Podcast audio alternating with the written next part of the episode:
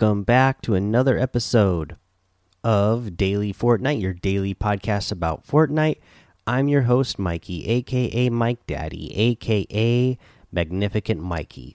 Uh, the first thing I want to go over today is a Fortnite Hype Night and Hype Night Plus in Chapter 2, Season 2. This is a blog post from the Fortnite competitive team calling all operatives operatives it's time to prove your worth to the agency by climbing the ranks during this season's hype nights. Each Friday and Saturday between March 6th and April 25th, times listed in game, you will have the chance to compete for hype rewards. At the conclusion of each three hour event, the top performing agents of each Ghost and Shadow tournament will win the following hype rewards based on their final ranking.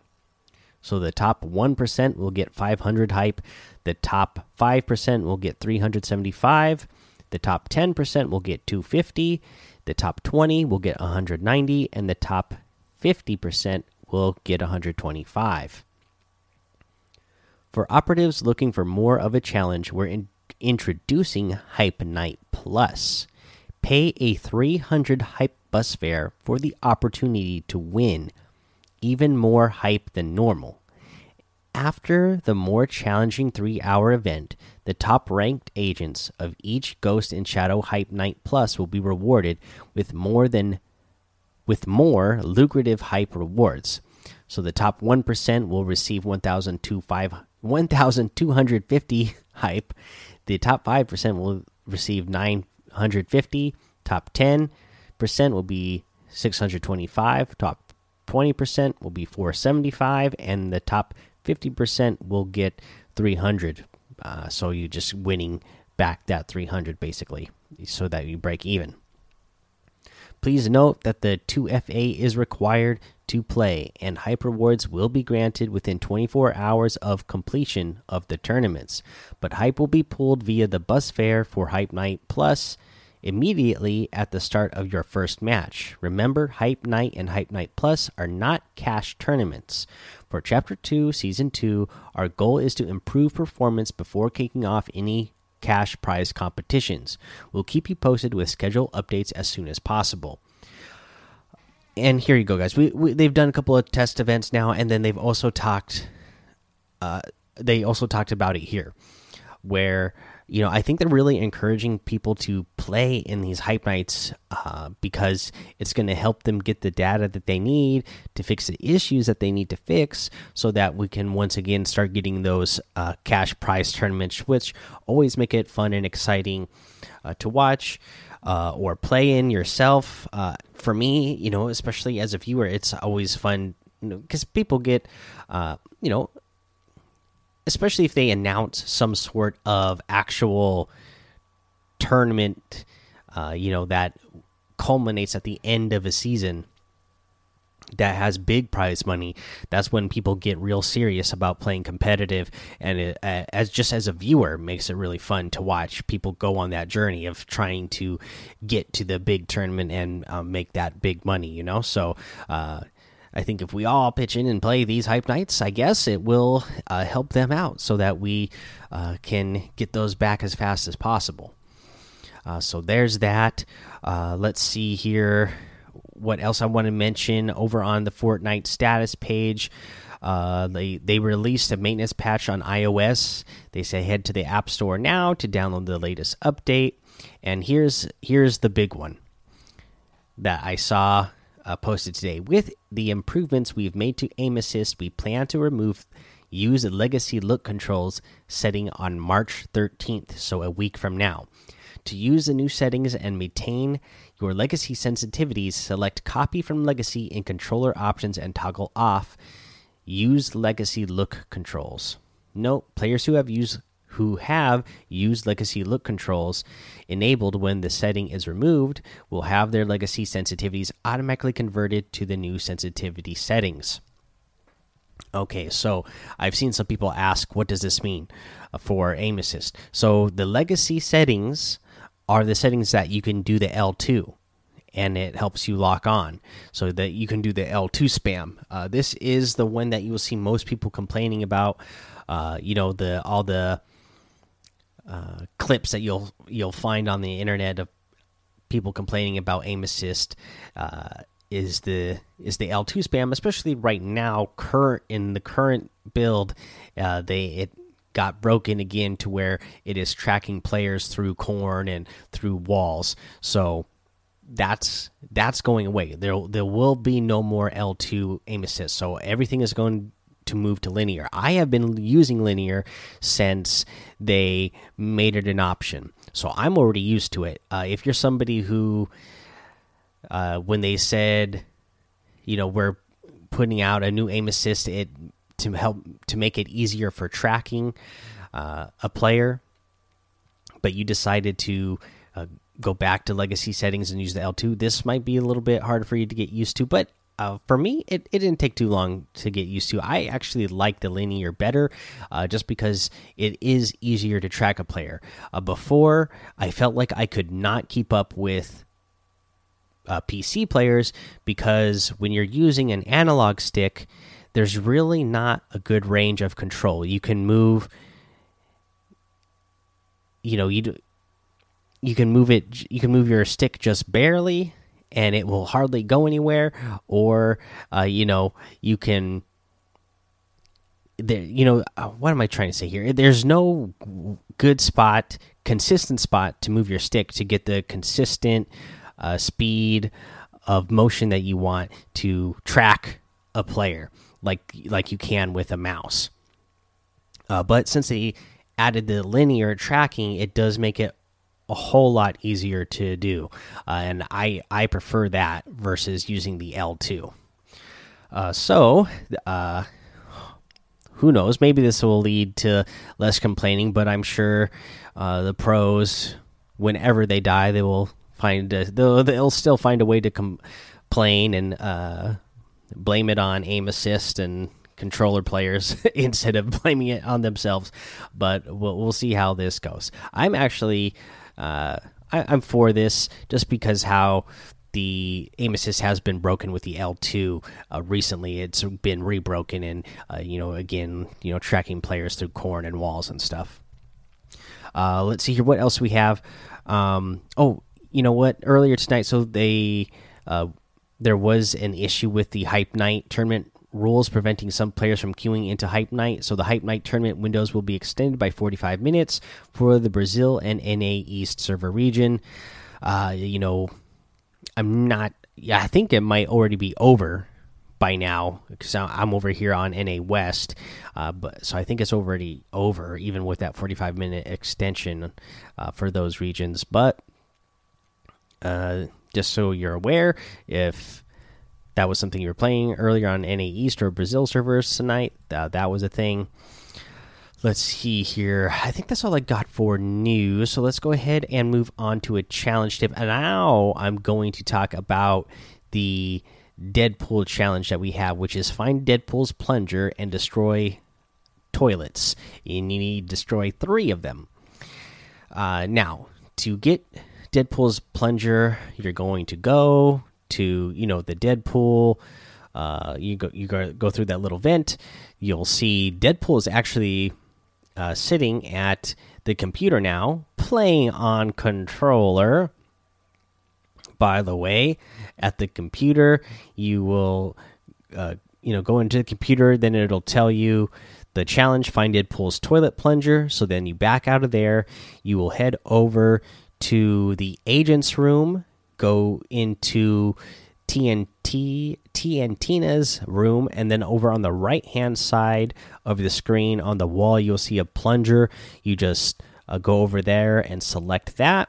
Then you have his plunger. You go back to the uh, Deadpool's room, go to the computer again, and it tells you that you need to break toilets. It's three in total.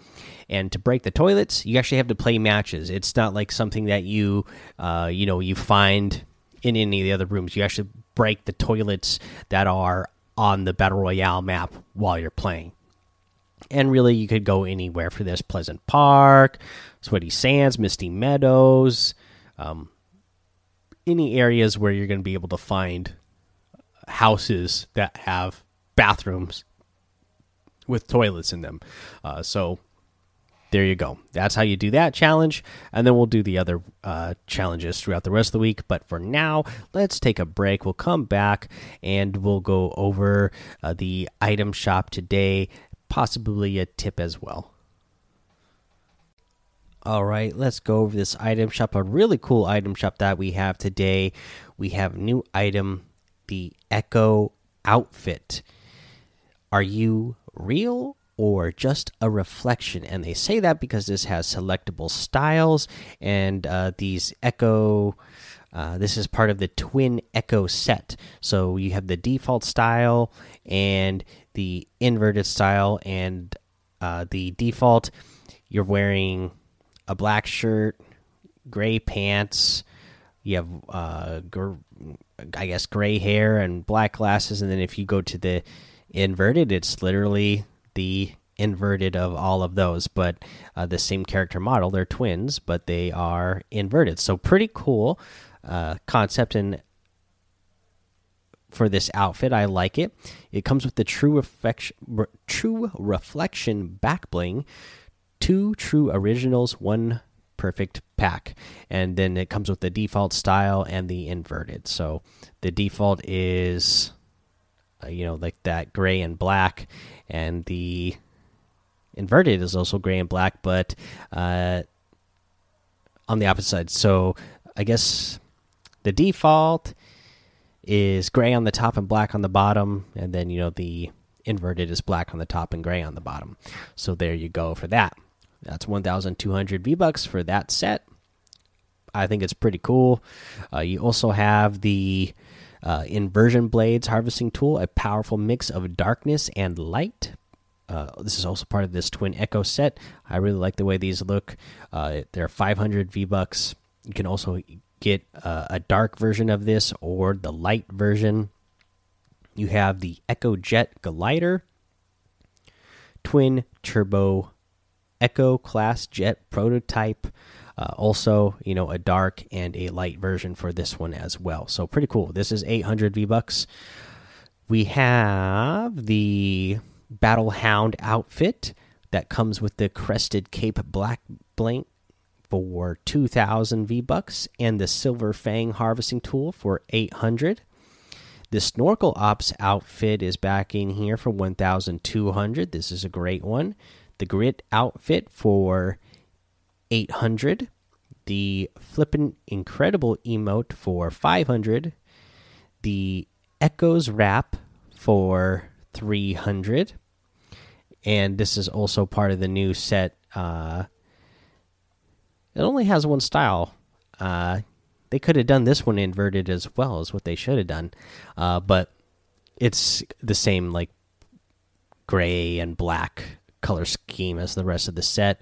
You have the live in large emote and the steamed emote. This is a new emote, 200 V bucks. Let off some steam. Your character uh, stomps like they're throwing a fit, and then you have steam uh, coming out of your ears because you are so mad.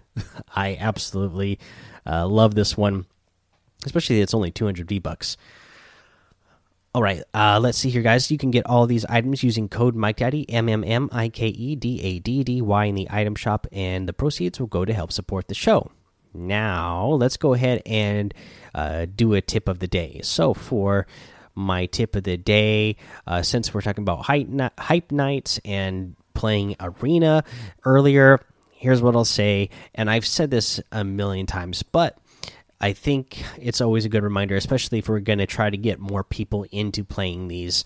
Uh, and it's to find your drop spot and just figure out your your loop path that you're going to take when you are rotating and uh, stick to it.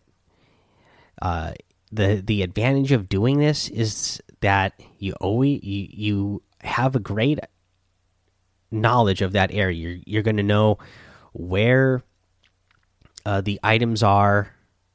You know, chests, uh, floor spawns in that area. You're already going to know where they are, so that you can set yourself up uh, with the best possible loadout as fast as possible at the beginning of the match. Also, being able to harvest your materials as fast as possible at the beginning of the match so that you'll be ready for the mid game and end game. Uh, but then also for the rest of the match, uh, if you keep going to one area, you'll kind of always know where the possible areas are where people will be coming when you're rotating, when other people are rotating. You'll always have a really good idea of where other people are rotating in from uh, that might cut you off. You'll know, okay, if I'm rotating, if I have to rotate this way from this spot, then these are the danger spots that uh, I might run into players, uh, or if you have to go another way, then you go okay. Now you know the other uh, the other spots that uh, you you have potential risk of running into more players, and you will figure out how to avoid them. Also, uh, you know, depending on uh, the the the storm circles, you might have to take different paths to get into the circle. And if you keep going to the same spot all the time, you'll kind of learn multiple paths to get. You know, whether it's you know you, you you have to go west or east or north or south or northwest or southwest or whatever directions you have to go it changes every match. You'll know okay when i have to go this way this is the best way to go or if i have to go north this is the best way to go. If i have to go south this is the best way to go. You'll you'll get to know all that and that's just going to you know having that uh, 200 IQ in game is going to help you win more matches and score more points in those hype nights and in arena in general. All right, guys, that's the episode for today. Go join the daily Fortnite Discord and hang out with us. Follow me over on Twitch, Twitter, and YouTube. Mike Daddy on all of those. Head over to Apple Podcasts, leave a five star rating and a written review for a shout out on the show.